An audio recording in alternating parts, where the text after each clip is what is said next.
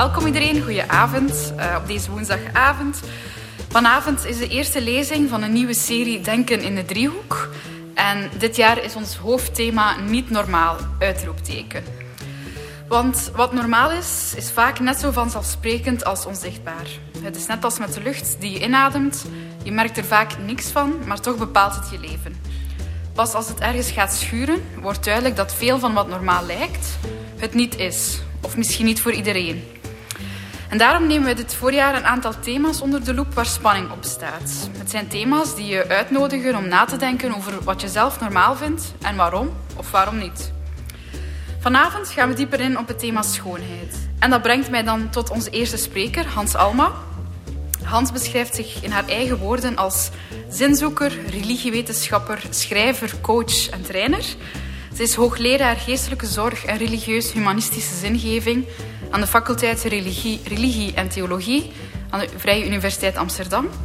En heeft daarnaast ook een praktijk als coach en trainer in wat ze zelf een werkplaats voor zinvol leven en werken noemt. Haar wetenschappelijk werk heeft met name vorm gekregen vanuit haar interesse in hoe mensen zin zoeken in hun leven en uit welke bronnen ze daarbij putten. Centraal aandachtspunt in haar onderzoek is de rol van verbeeldingskracht en kunst in het zoeken naar zin.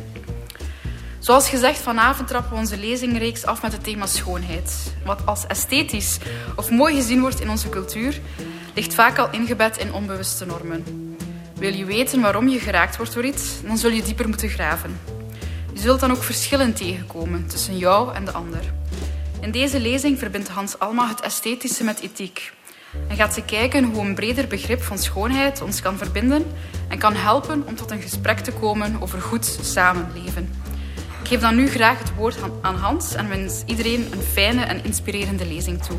Hans, the floor is yours.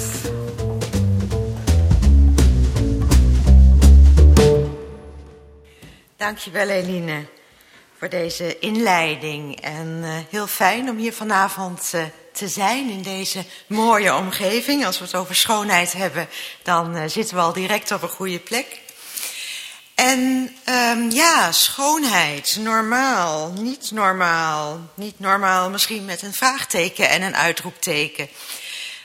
Um, ik heb me eens voorgesteld, stel dat een buitenaards persoon uh, wil weten wat wij als aardbewoners onder schoonheid verstaan.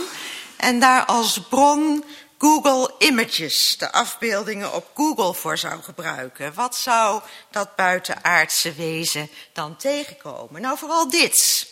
Als u schoonheid intikt op Google Images, dan krijgt u heel veel van dit soort afbeeldingen van jonge vrouwen, perfect opgemaakt, vrij gekapt, een gladde huid, een symmetrisch gezicht. Blijkbaar is dat wat wij, uh, althans uh, via Google uitstralen, wat schoonheid is. En um, ja, daar zitten allerlei normen achter, allerlei cultuurbepaalde ideeën over wat wij mooi vinden. Schoonheid is um, iets wat ook wel met esthetiek in verband wordt gebracht. Onze samenleving wordt zelfs wel in kritische zin een esthetische samenleving genoemd, omdat het vooral over de uiterlijkheid, over de uiterlijke schijn, de meer oppervlakkige buitenkant zou gaan, de fraai vormgegeven verpakking en zo'n Google serieplaatjes. Ja, doet ook wel vermoeden dat dat inderdaad is waar wij bij schoonheid vooral aan denken. Ik ben nog eens naar een ander woord op zoek gegaan op Google Images, namelijk het woord esthetisch. En dat was nog interessanter, want toen kreeg ik reeksen van dit soort foto's te zien. En dit is dan nog een smakelijke variant van alle foto's die daar uh, te zien zijn. Want het gaat vooral over esthetische tandheelkunde en wat die vermag. En werkelijk hele series plaatjes met gebitten in allerlei staten van uh, esthetisch of juist niet esthetisch zijn, die dan natuurlijk opgeknapt worden. Een enkel plaatje verschijnt ook van interieurs en wat we op dat gebied esthetisch vinden. En het is opmerkelijk dat uh, esthetisch blijkbaar vooral gebonden, verbonden zien met wat wij als mensen kunnen, kunnen maken, ontwerpen of in het geval van gebitten in ieder geval uh, de natuur kunnen helpen verbeteren. Want uh, plaatjes van mooie natuur vind je eigenlijk niet zozeer onder dat, onder dat kopje esthetisch. Dus ja, dat roept toch wel de vraag op, denk ik, voor dat buitenaardse wezen. Wat is nu eigenlijk die schoonheid voor aardbewoners? Nou, dat is inderdaad helemaal geen gemakkelijk te beantwoorden vraag. Het is een vraag die ook tot hele verhitte discussies aanleiding kan geven. Ik weet niet of u het een beetje gevolgd heeft, maar de verkiezing van Miss France heeft een enorme discussie opgeleverd op social media. En uh, dit is dus uh, Miss France 2024. En is er iets wat u opvalt aan Miss France?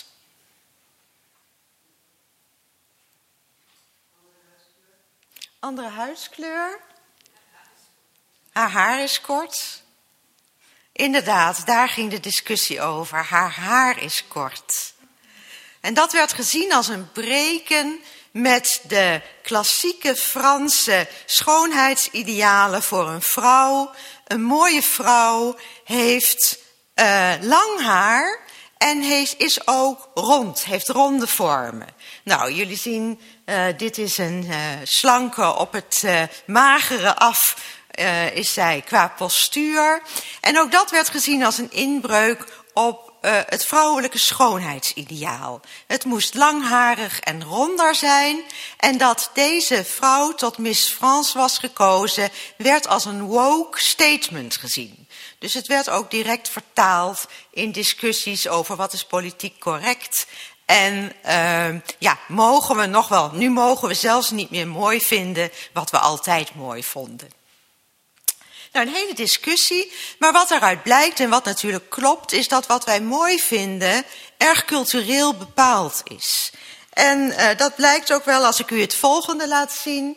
Deze drie gratieën van Rubens laten inderdaad wel een heel ander schoonheidsideaal zien dan de meer androgyne Miss France. Hier zijn de rondingen volop aanwezig.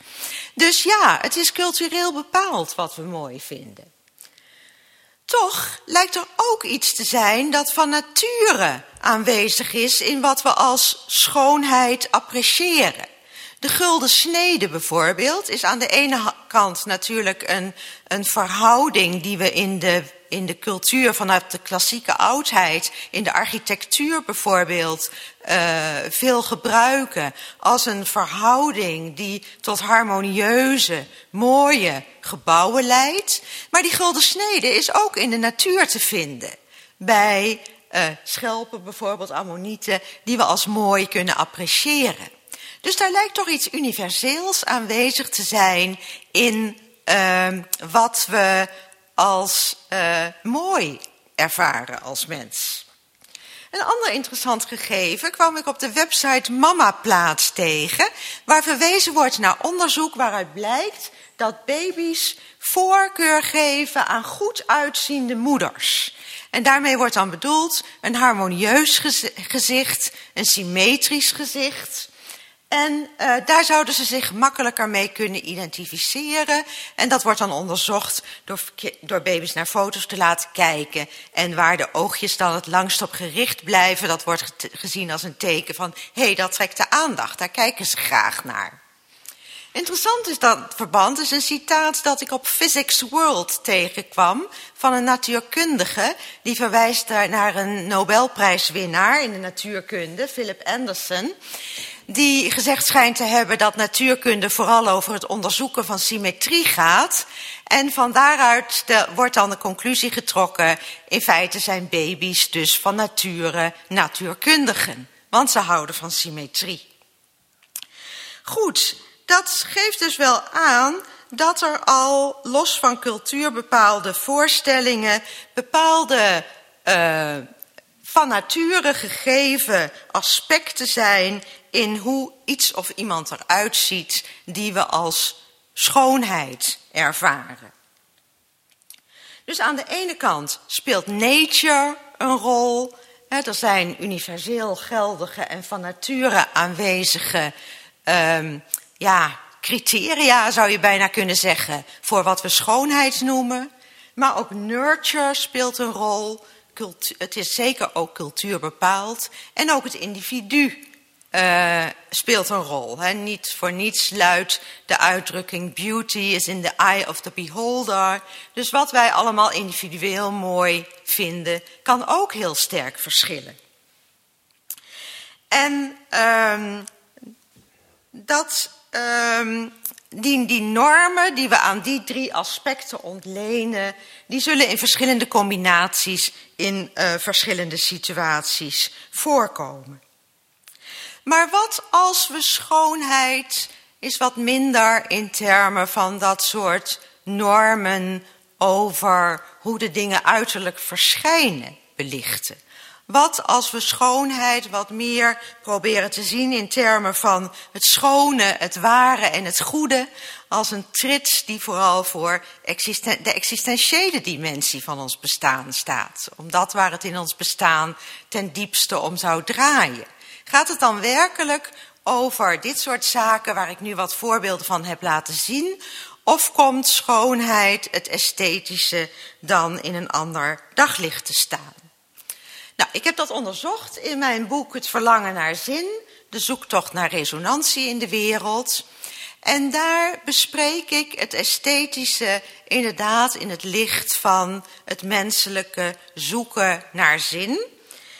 En wat ik vanavond uh, wil doen, is om langs de lijn van dat onderzoek uh, ja, met u te kijken van wat kunnen we dan over schoonheid zeggen. En uh, heeft dat dan ook misschien iets te maken met de manier waarop we samenleven? Niet in de zin van dat we daar woke statements op uh, los moeten laten op wat we mooi mogen vinden of niet, maar wel in de zin dat we kunnen omgaan in een samenleving met diversiteit en het gesprek kunnen voeren in die diversiteit over wat goed leven en samenleven is. Ik begin met uh, iets te vertellen over wat ik met het verlangen naar zin uh, bedoel. Ik gebruik die uitdrukking eigenlijk liever dan het gebruikelijker zingeving. Omdat zingeving, althans in de psychologie waar ik vandaan kom, uh, vaak gezien wordt als synoniem met betekenisverlening. Kunnen we de dingen begrijpen in de wereld om ons heen? Kunnen we ermee omgaan? Nou, dat is natuurlijk een heel belangrijk aspect van hoe wij met uh, ons leven leven. He, dat doen we voortdurend. Als u hier binnenkomt en hier nog nooit geweest bent, dan probeert u te begrijpen wat u ziet, wat de bedoeling is. U begrijpt dat het publiek dat dat bedoeld is om daar te gaan zitten, dat de spreker wel hier zal komen te staan. Dat gebeurt allemaal heel vanzelfsprekend en dat maakt ons leven gemakkelijker, sterker nog, dat maakt het leven überhaupt veilig en leefbaar. Toch denk ik dat het bij zin om iets anders gaat dan om die cognitieve activiteit van betekenisverlening. Ik denk dat dat verlangen naar zin veel meer lichamelijk verankerd is en veel meer te maken heeft met de vraag of wij de wereld kunnen ervaren als een goede plaats om te zijn. En dat begint denk ik al in onze prilste jeugd, als uh, pasgeboren kinderen die zijn heel zintuigelijk, lichamelijk afgestemd op de wereld. Dat is de manier waarop ze de wereld leren kennen. En als het goed is, doen ze daar prettige ervaringen in op.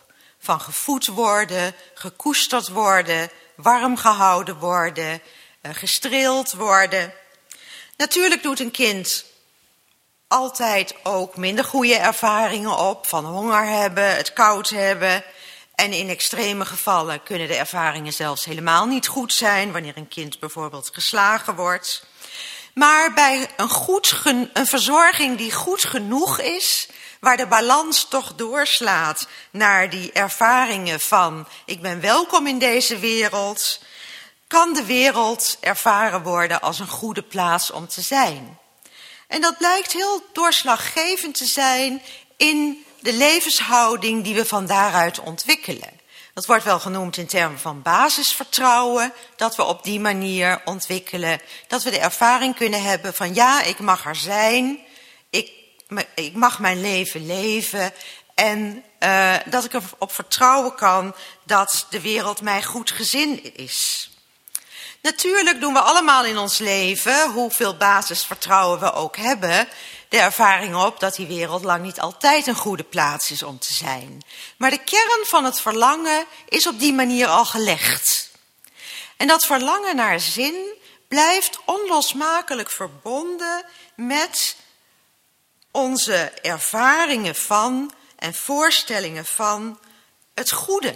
Hoe abstract dat ook mag klinken, maar vanuit die lichamelijke ervaringen van het goed kunnen hebben op de wereld, kan een verlangen voorkomen naar dat goede, een gerichtheid op het goede. Ik zal er straks wat meer over zeggen, wat natuurlijk verder culturele invullingen krijgt.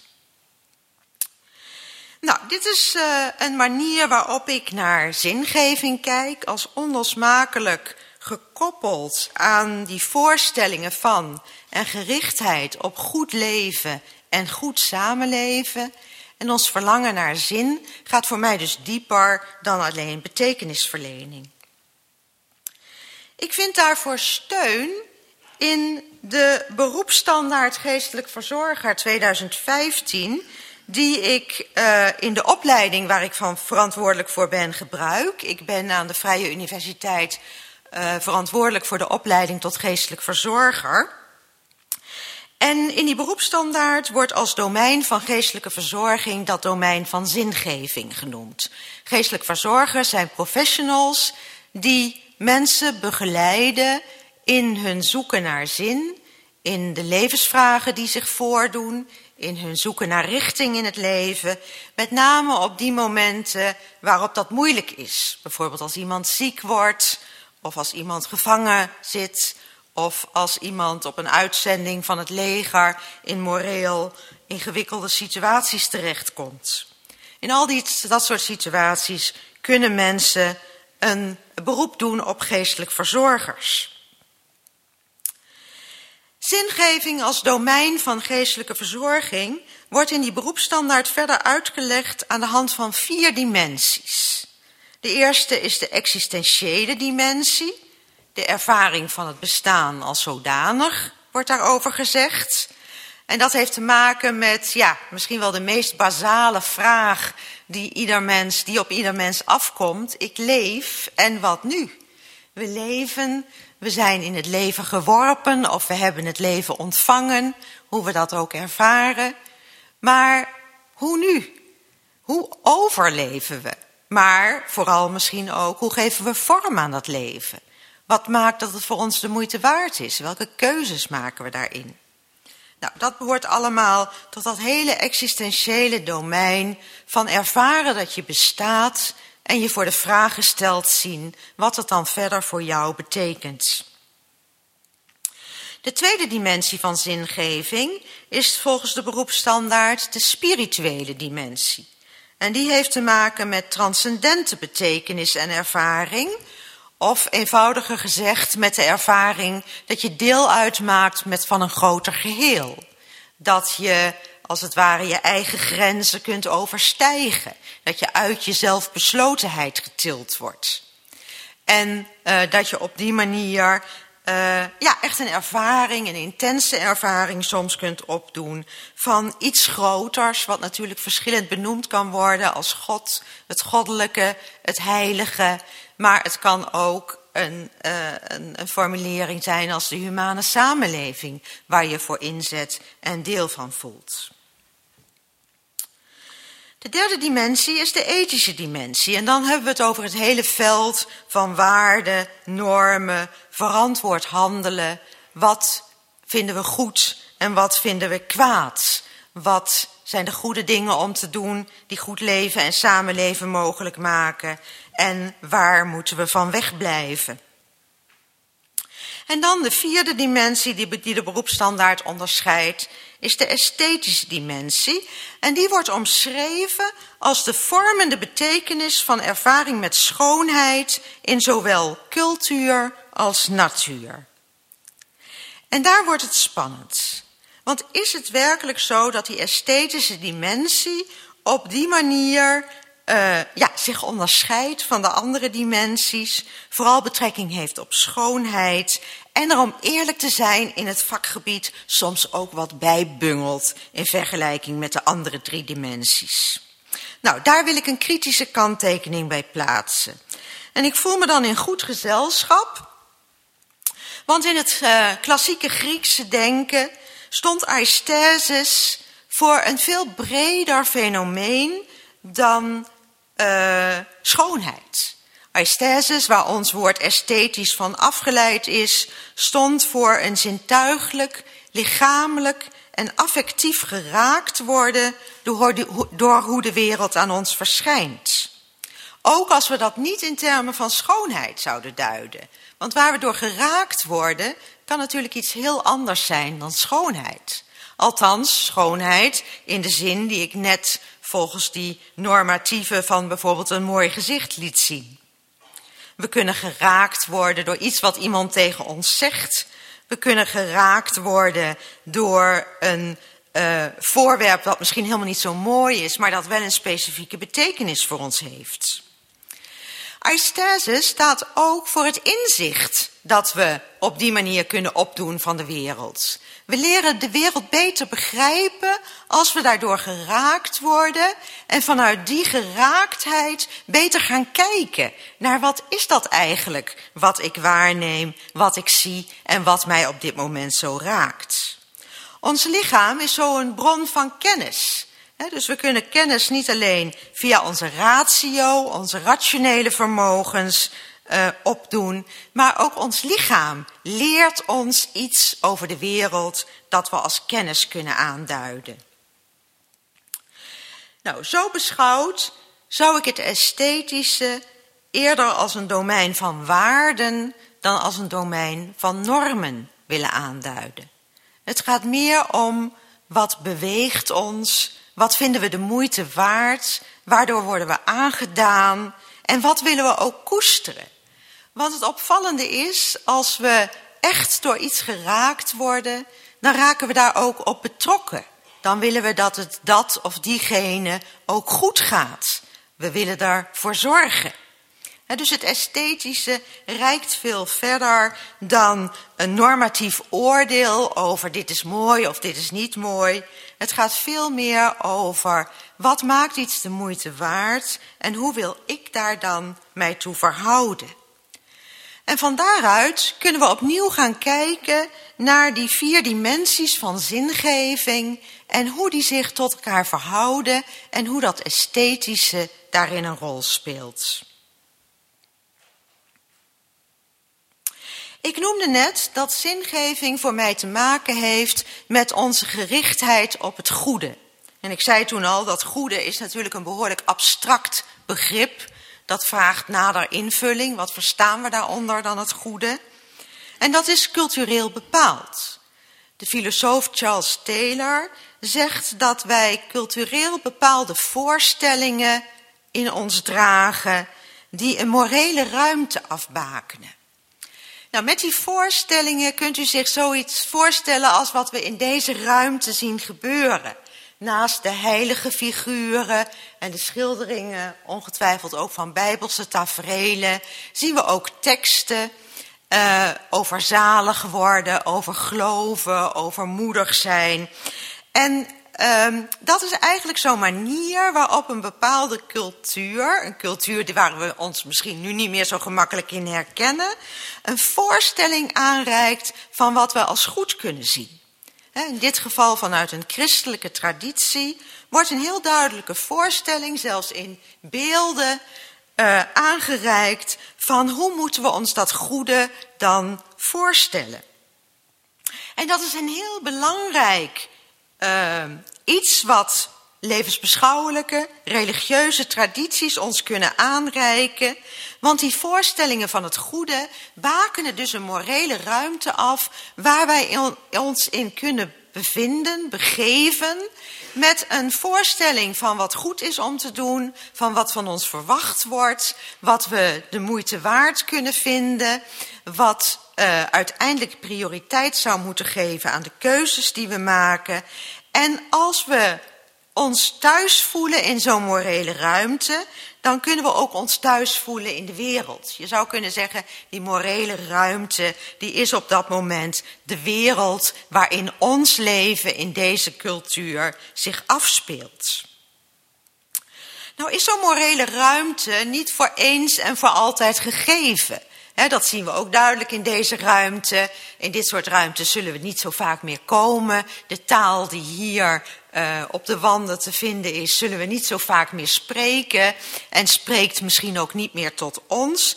Dus die morele ruimtes verschuiven ook in de loop van de tijd. De grenzen van die morele ruimte, zegt Charles Taylor, zijn poreus. Er is ruimte voor vernieuwing. En die vernieuwing, daar kunnen we eigenlijk allemaal aan bijdragen.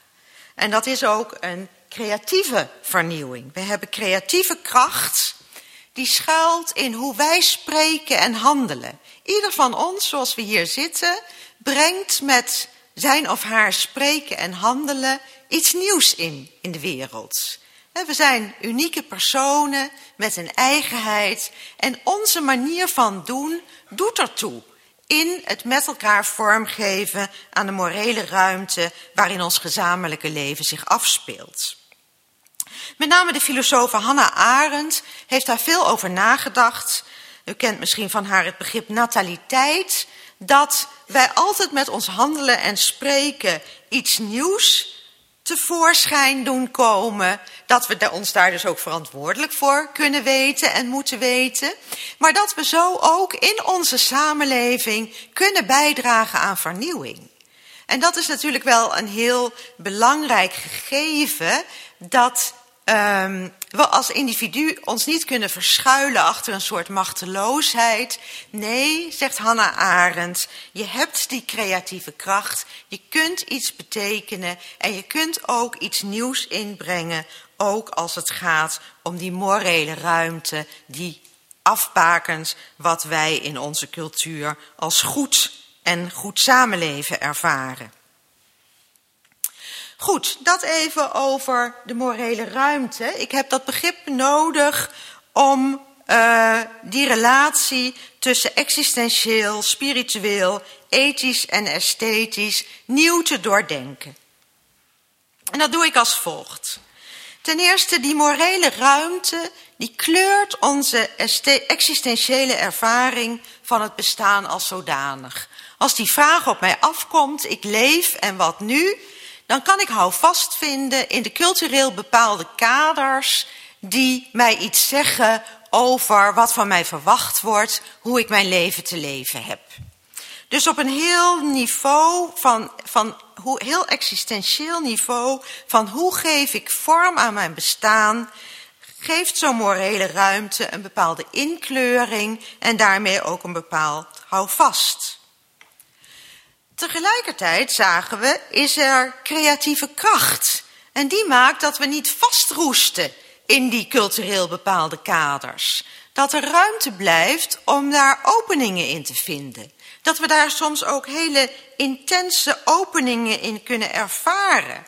Dat we iets kunnen ervaren wat dat dagdagelijkse, vanzelfsprekende en vertrouwde bestaan overstijgt. En dat soort intense ervaringen wordt dan als spiritueel aangeduid. Dus aan de ene kant het houvast van die morele ruimte en aan de andere kant het, de, de potentie van het doorbreken daarvan die ook iets spiritueels kan inbrengen. Als we het hebben over dat we gaan dat die grenzen poreus zijn, dat daar verandering in kan komen, dan vraagt dat om ethische reflectie.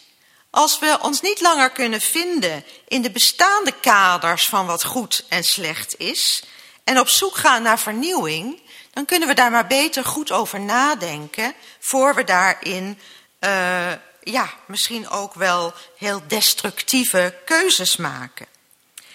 Ethische reflectie en, morele en de morele ruimte die kan veranderen, horen onlosmakelijk bij elkaar.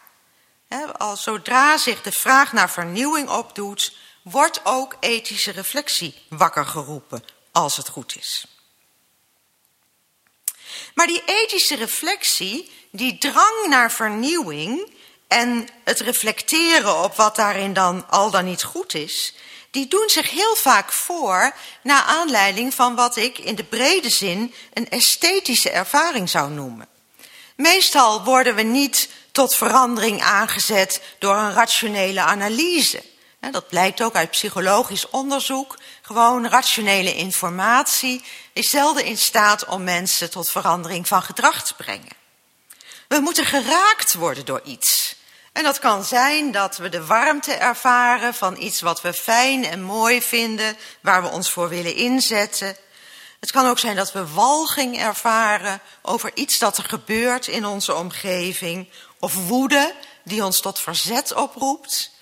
Dat soort hele lichamelijk verankerde reacties op wat er in ons wereld gebeurt, zijn veel bepalender voor het morrelen en veranderen van onze morele ruimte dan rationele inzichten. Hoe belangrijk rationele reflectie ook blijft, dat zal ik zeker niet ontkennen. Maar die, die, die kern van waar de ethische vraag in ons bestaan opkomt, is vaak daar waar we geraakt worden op een hele zintuigelijke en lichamelijke manier. Dat betekent natuurlijk wel iets voor hoe ik ethiek begrijp. Vaak denken we bij ethiek aan het afleiden van oordelen over goed en kwaad uit morele principes of uit wetten of uit andere regelgeving. Maar hier gaat het me bij ethiek om iets fundamentelers. Het gaat om het begrijpen en evalueren van wat ons dan zo raakt in onze omgeving. Waarom word ik hier zo door geraakt? Waarom maakt dit mij boos? Of waarom maakt dit mij zo blij dat ik me ervoor in wil zetten? Dat heeft te maken met iets wat ons aangrijpt. En ethische reflectie daarop is dan het begrijpen, het evalueren daarvan, wat in het licht van wat we als goed en rechtvaardig erkennen. En dus ik pleit er niet voor dat ons buikgevoel leidend wordt in onze ethische keuzes. Het esthetische kan ethische reflectie oproepen die ons doet nadenken over wat ons in esthetische zin raakt en die daarop reflecteert in termen van wat we goed en rechtvaardig vinden, maar soms ook in vraagt wat we goed of, of rechtvaardig vinden. Misschien een herziening in het kader van waar ik door geraakt word. Dus in die ethische reflectie, die wel degelijk te maken heeft met ons rationele denken, zijn toch, oh pardon, zijn toch die affectief geladen voorstellingen van goed leven, u weet wel, die we al in onze prilste jeugd opdeden, die spelen daar nog steeds een richtinggevende rol in. En uh, ik denk dat dat belangrijk is om ons te realiseren, ook in het begrijpen van hoe verschillend we kunnen denken over wat goed en rechtvaardig is. En waar we elkaar soms zo moeilijk in kunnen begrijpen. En ik denk als we meer met elkaar in gesprek kunnen komen over dieperliggende ervaringen en vormen van affectief geraakt zijn, die doorwerken in wat we goed en rechtvaardig vinden, dat we dan tot andere gesprekken komen dan de vaak polariserende discussies die we nu voeren. Ik betoog dus dat ethiek en esthetiek onlosmakelijk met elkaar samenhangen en dat die samenhang, dat samengaan van ethiek en esthetiek tot uitdrukking komt in drie kernwaarden die volgens mij als richtinggevende waarden heel belangrijk zijn voor het vormgeven aan een samenleving. Voor het vormgeven aan hoe wij omgaan met elkaar. En die drie kernwaarden daarin zijn aandacht, compassie en zorg. Ik denk als dat de pijlers zouden zijn waarop ons met elkaar omgaan rust, en waarop ons politiek ook vormgeven aan de samenleving rust, dat er dan ruimte zou zijn voor een andere manier van, van kijken naar wat is hier goed. Hoe blijven we daarover in gesprek? Hoe kunnen we daar ook steeds weer vernieuwing in aanbrengen zonder weg te gooien van wat de moeite waard is? Hoe kunnen we, als we vanuit aandacht en compassie en zorg leven, ook verantwoordelijkheid nemen voor een samenleving die we misschien zelfs wel het uh, label schoonheid zouden willen geven? Nou, tot slot van mijn uh, betoog loop ik even die drie kernwaarden langs. Die kernwaarden die ik graag als pijlers van ons leven en samenleven zou willen zien. Aandacht, dat staat voor hoe we de wereld waarnemen. Aandachtige waarneming doet recht aan wat we zien op een manier die veel verder reikt dan een functionele waarneming. Vaak kijken we heel functioneel naar de dingen om ons heen in termen van hoe kunnen we ze gebruiken? Zijn ze nuttig voor mij? Kan ik ze nu gebruiken of kan ik ze beter vermijden?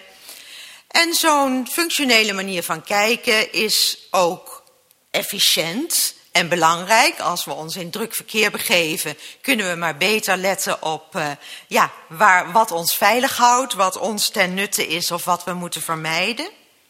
Maar het is ook een arme manier van kijken.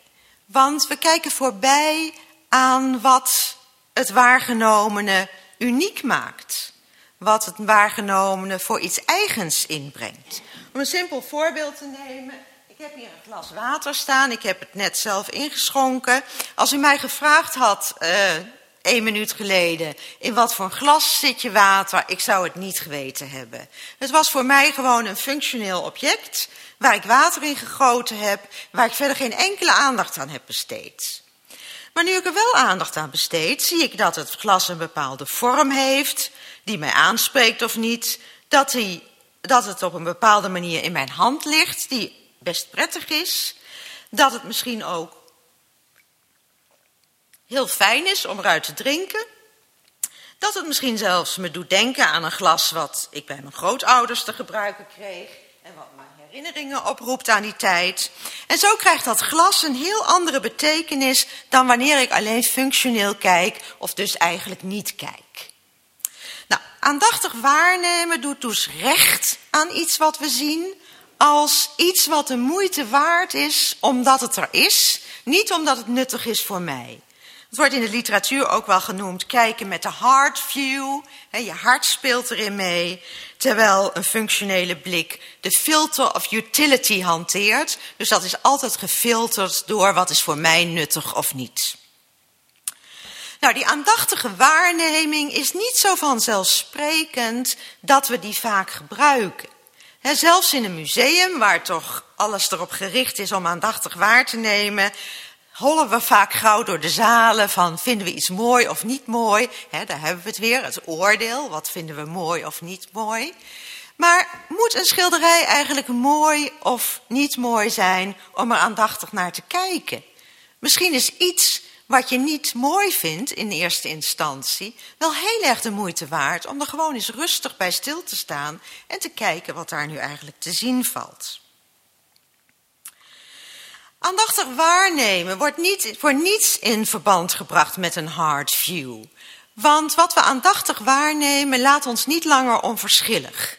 Ik heb hier een afbeelding bijgeplaatst, een schilderij, een stilleven van de Italiaanse schilder Giorgio Morandi, een 20e eeuwse schilder, die in zijn atelier eindeloos doosjes, blikjes, flesjes, potjes verzamelde, wegwerpmateriaal dat we echt weg zouden gooien zonder een blik verder op te slaan. Dat verzamelde hij, dat rangschikte hij eindeloos en hij heeft een hele serie van dit soort stillevens gemaakt. En vooral als je in een galerie of museumzaal zo'n hele serie van die stillevens ziet, dan krijgen al die potjes en blikjes en flesjes een eigen schoonheid. Een eigen levendigheid ook, want hij schilderde ze niet fotografisch nauwkeurig. Ze springen als het ware wat van het doek. Dus ineens ga je op een heel andere manier kijken naar zoiets wat, uh, ja, eigenlijk in je leven van alle dag steeds aanwezig is, maar waar je nauwelijks een blik op slaat.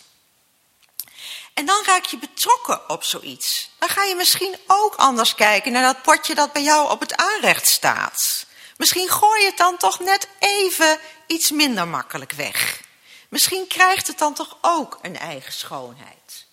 En dit geldt precies zo voor de mensen die we tegenkomen. En waar we vaak ook functioneel naar kijken. Is dit iemand die ik nu wil ontmoeten of niet? Nou, ik loop er maar even langs kijken we, hoe vaak kijken we echt naar een ander? Daar gaat eigenlijk dat beroep van geestelijke verzorging om. Om echt luisteren naar een ander. En dan blijkt ook uit onderzoek dat echt luisteren naar elkaar, dat dat helemaal niet zo vaak gebeurt.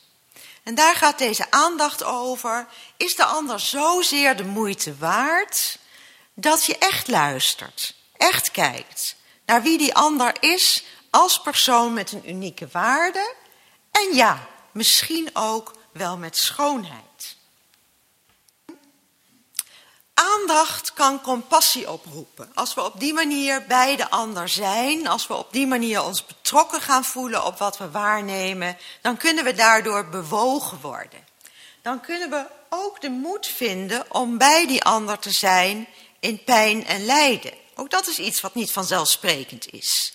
Heel vaak wordt weggekeken van mensen die het moeilijk hebben. Dat is lastig. Dat uh, past niet in waar we nu mee bezig zijn.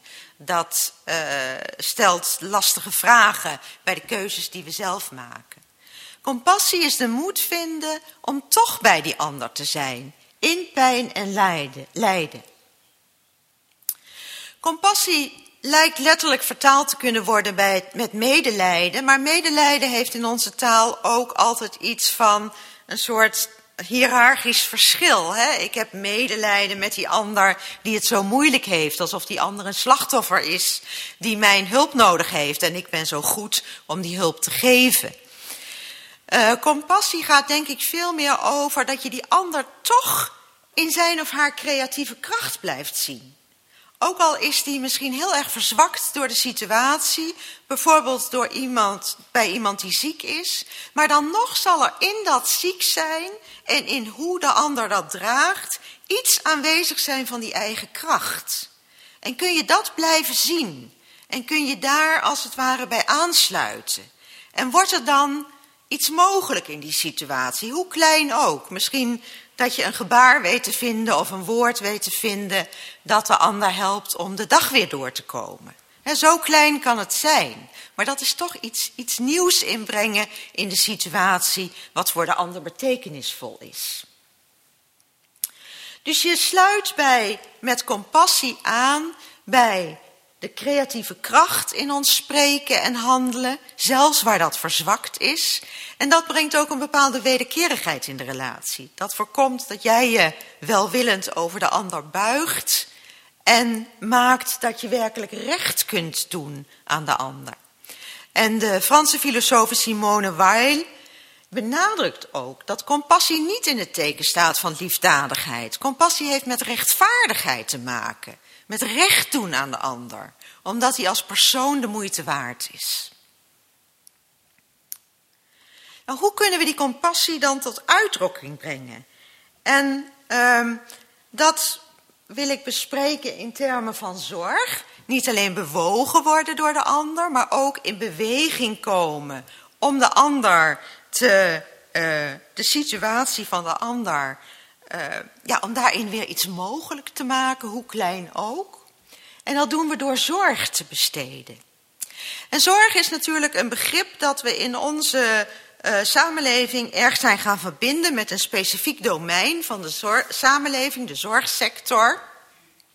Maar wat we ook veel breder kunnen zien als een fundamentele waarde in ons omgaan met elkaar. En de uh, zorgethica Joan Tronto is, uh, heeft daar een belangrijke rol in gespeeld in haar theorievorming om te bepleiten dat zorg niet moet gaan over die specifieke uh, medische zorg, waar we het vaak mee associëren, maar dat zorg veel breder staat om ja, hoe wij eigenlijk met onze wereld om ons heen omgaan. Hoe onderhouden we die wereld?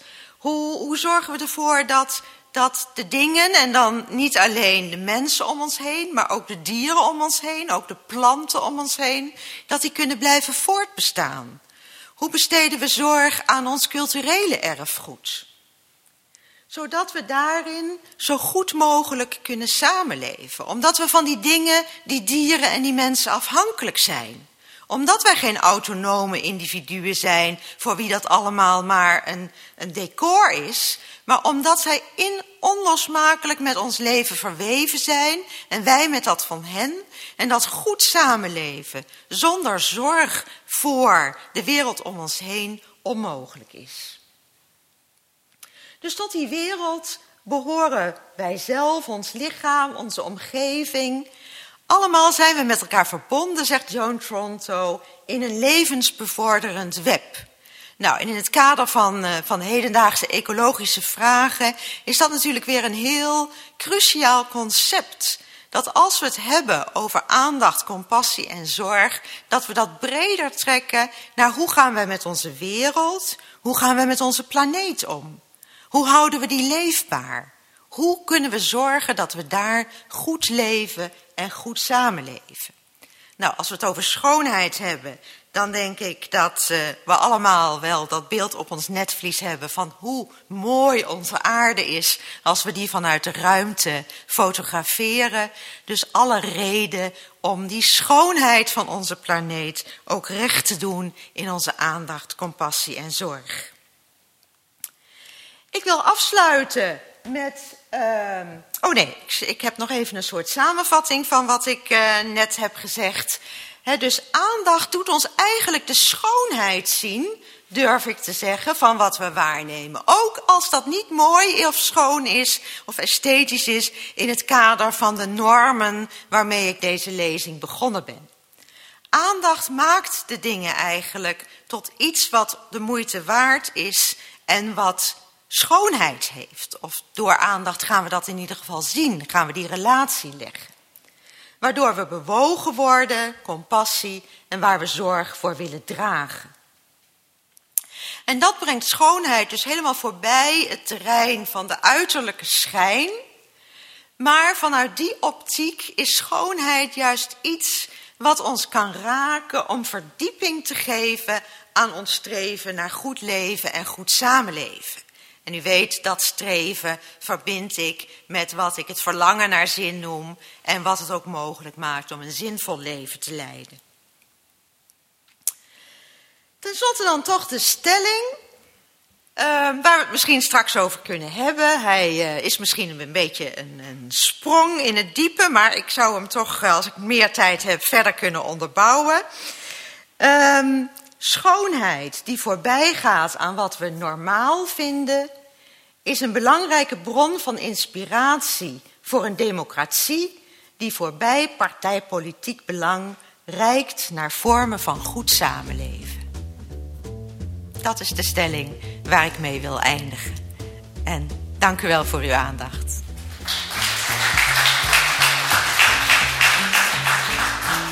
Bijna naar de borrel kunnen gaan. Ik wil graag het publiek bedanken, maar vooral Hans bedanken. Mag ik nog even ja. iets zeggen? Want ik heb nog één slide.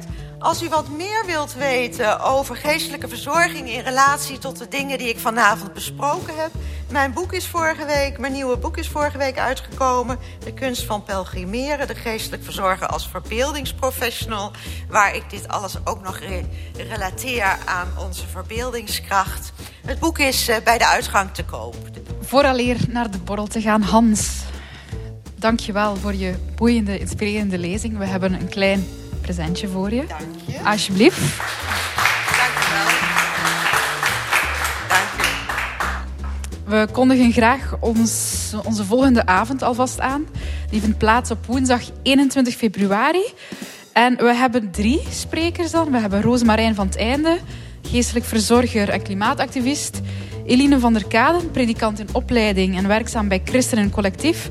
En Marco Derks, um, wetenschapper en ook priester binnen de Oud-Katholieke Kerk, over het thema protest.